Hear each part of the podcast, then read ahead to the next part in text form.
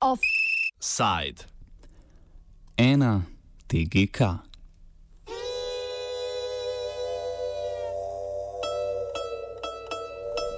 Kočevsko meščanstvo in prišleki iz okoliških vasi so se na toplo petkovo popovdne gnetli ob novo zgrajeni železni cesti. Prišli so pozdraviti prvi vlak, ki je v Kočevje po novi zgrajeni progi pripeljal napredek in blaginjo.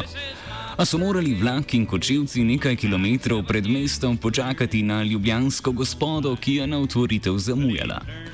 Ko je prihod prečastitih končno omogočil nadaljevanje slovesnosti, se je ob progi zaslišal bučen aplauz in piskanje lokomotivske piščalke. Slavnostni govorci pa so kočevju napovedali svetlo prihodnost in blaginjo. Pisalo se je leto gospodovo 2019. Čakali pa so ministrico za infrastrukturo Alenko Bratušek. It's a long, long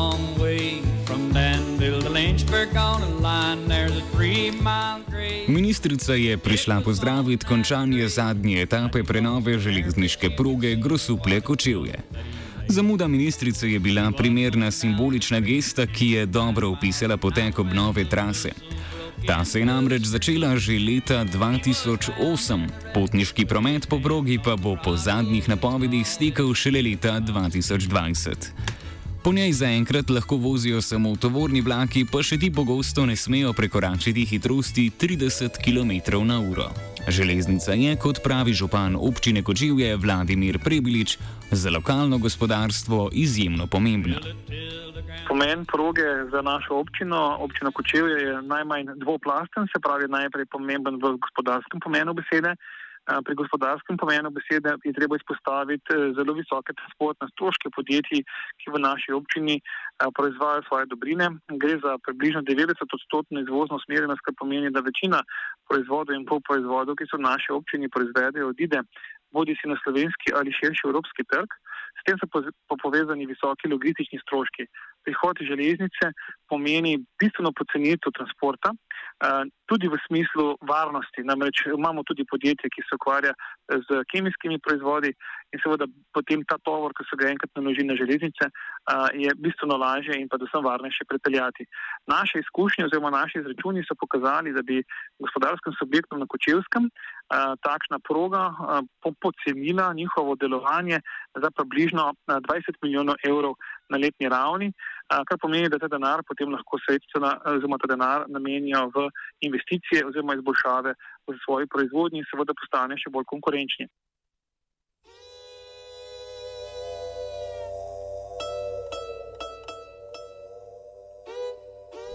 Poleg tega je železniška povezava ključna tudi za uvoz surovin in mehanizacije, pri čemer župan predvsem izpostavlja vlogo nove sestavljalnice robotov podjetja Yasakawa.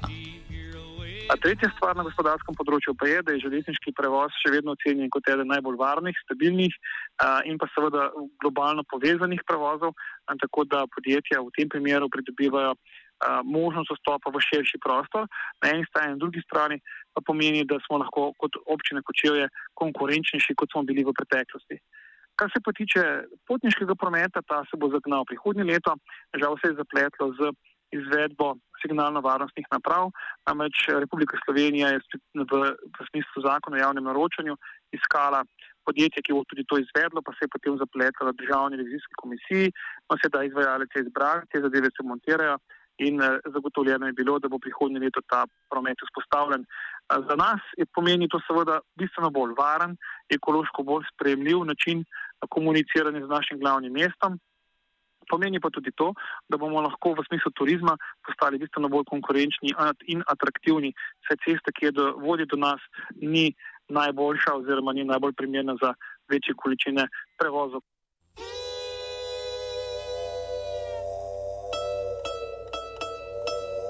Da sta izgradnja železnice in začetek potniškega prometa ključna tudi za cestno varnost v občinah, skozi katere poteka, se strinja župan Ribnice samo Pogorelc.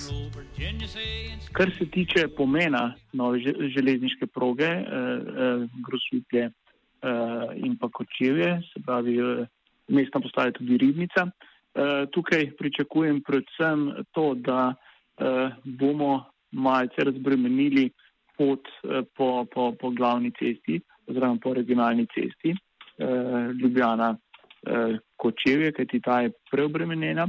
Tako da upam, da bomo z novimi vagoni, kajti Ministrstvo za infrastrukturo je obljubila, da dobimo tudi novo garnituro, da bomo s tem tudi nekako razbremenili eh, tale potniški promet.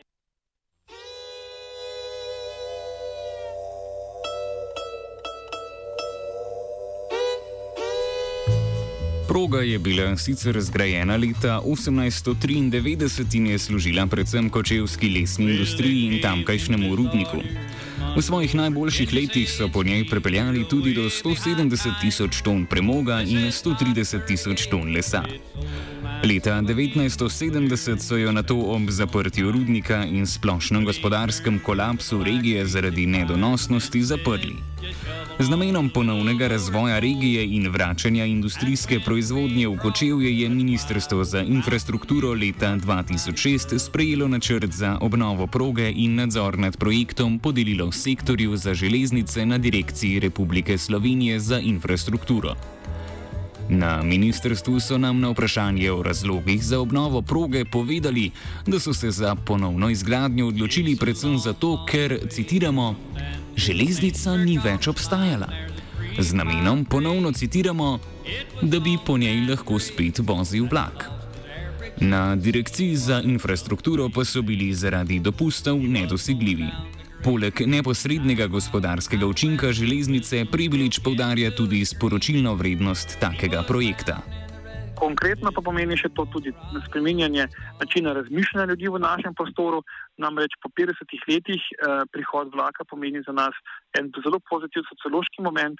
Nikoli ne bom pozabil, ko se je pripeljal prvi tovorni vlak eh, v Kočevje letos pomladi, eh, so ljudje eh, z očmi oziroma z solzami v očmeh spremljali prihod tega vlaka in upojali spomine, kako je bilo, ko je bilo naše mesto še povezano z glavnim mestom, se pravi z Ljubljano in pa ostalo Slovenijo ter Evropo. Tako da vsi ti elementi so za nas zelo pomembni in ta pridobitev železniške povezave je brez dvoma izjemen korak naprej za našo občino.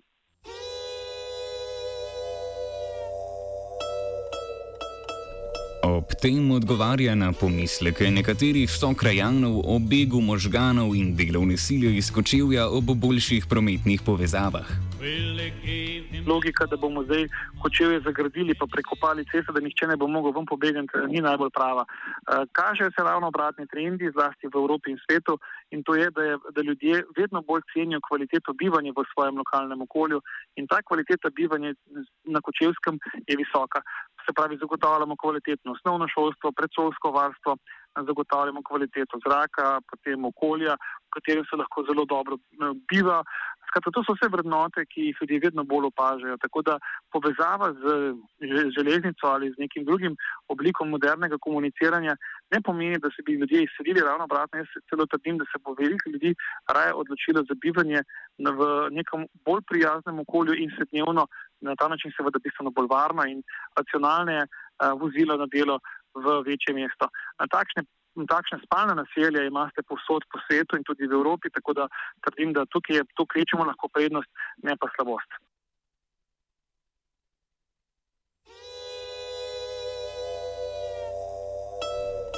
Ob začetku del leta 2008 so napovedi, da bo prvi vlak po progi zapeljal leta 2013 med predstavniki lokalnih občin sprožile valo gorčenja zaradi dolgotrajnosti napovedane prenove.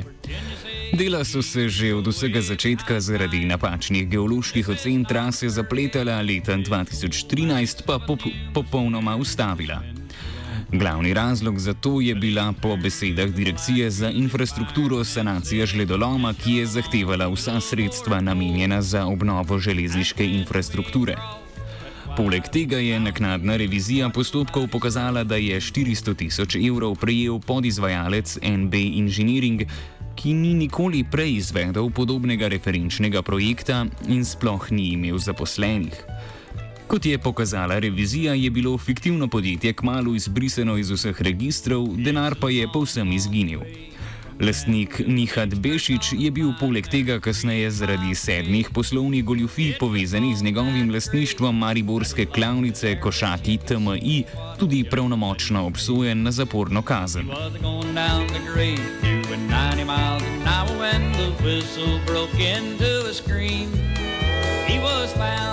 Obnova proge je bila leta 2013 končana le do državnih rezerv tekočega goriva v Ortneku, aprila letos pa so novo progo končno potegnili tudi do Kočevja. Hkrati z zamiki na področju prenove proge je zaradi revizijskih postopkov zamujala tudi ureditev signalizacije in nivojskih prehodov čez progo. Na razpisu je bil končno le izbran nemški Siemens, zaradi omenjenih zamud pri urejanju proge pa bo potniški promet po progi stekel šele leta 2020. Kot pravi Prebilic, so zamude pri izvedbi projekta nedopustne. Ko se je eh, Franc Jožef eh, odločil za to, da se bo zgradila železnica leta 1896, leta, ni bilo nikjer nobene trase, ni bilo nikjer ničesar, se pravi, železnica si je otirala pot skozi uh, težje in manj prehodne uh, območja na Kočevsko. Za vse skupaj so potrebovali leto in pol in zgradili praktično zadečinsko progo iz nič. Rekonstrukcija traja očitno predolgo. Uh, tukaj so vsaj tri elementi, ki so nas ovirali. Prvi element je bila neodločna politika, ki se ni odločila v samem začetku to progo dejansko modernizirati. Od Gosupčega do Kočevja, ampak so se najprej odločili, zato, da bodo šli v etape, kadarkoli se odločimo za etape, tukaj seveda so časovni parametri popolnoma drugačni. Drugič, politika v vsej v tistem začetnem obdobju ni zagotovila dovolj finančnih sredstev, da bi se ta projekt lahko enovito izvajal. In seveda, ko so se pač vlade menjavale, je ta projekt bolj ali manj enkrat bil večjo, drugič manjšo prioriteto in je se že udelil sodo z nekaterimi drugimi projekti v naši Sloveniji. In tretjič, eh, kadarkoli se naša država spravi v neki malo večji infrastrukturnejši projekt, seveda je podrejena zakon o javnem naročanju. Jaz trdim, da ta zakon je zelo um, neoperativen, zelo, zelo težko ga je dejansko izvajati v vsakdanjem življenju. In tudi tukaj imamo to izkušnjo, se pravi, neskončno možnost uh, pritoževanja neizbranih eh, izvajalcev na posamezne elemente gradnje proge omogočajo, da se potem takšna um, gradnja ne samo časovno podaljša, ampak tudi finančno izredno podraži. Kljub zapletom sta s pogorevcem optimistična glede dokončanja del, čeprav so zagotovila, ki sta jih prejela strani državnih organov, predvsem ustna. V bistvu gremo na neko zaupanje. E, nekako smo dobili od ministrice za infrastrukturo za ustno zagotovilo, da naj bi bilo to leta 2020, se pravi v naslednjem letu. E, glede na to, da sedaj res potekajo te e, obvozne poti in se ukinjajo te prehodi in pa da se postavlja ta uh, vertikalna in pa horizontalna signalizacija, da je bilo izbrano tudi podjetje pri njih, ne kateri bo pač, oziroma izvajalec, kateri bo pač postavljal to signalizacijo. Tako da upam, da smo sedaj res pri koncu in da, da, nas, uh, da bomo leta 2020 vendar že prišli do nemotenega uh, potniškega prometa. Offsajski vlak je na našo radijsko postajo pripeljal koruza.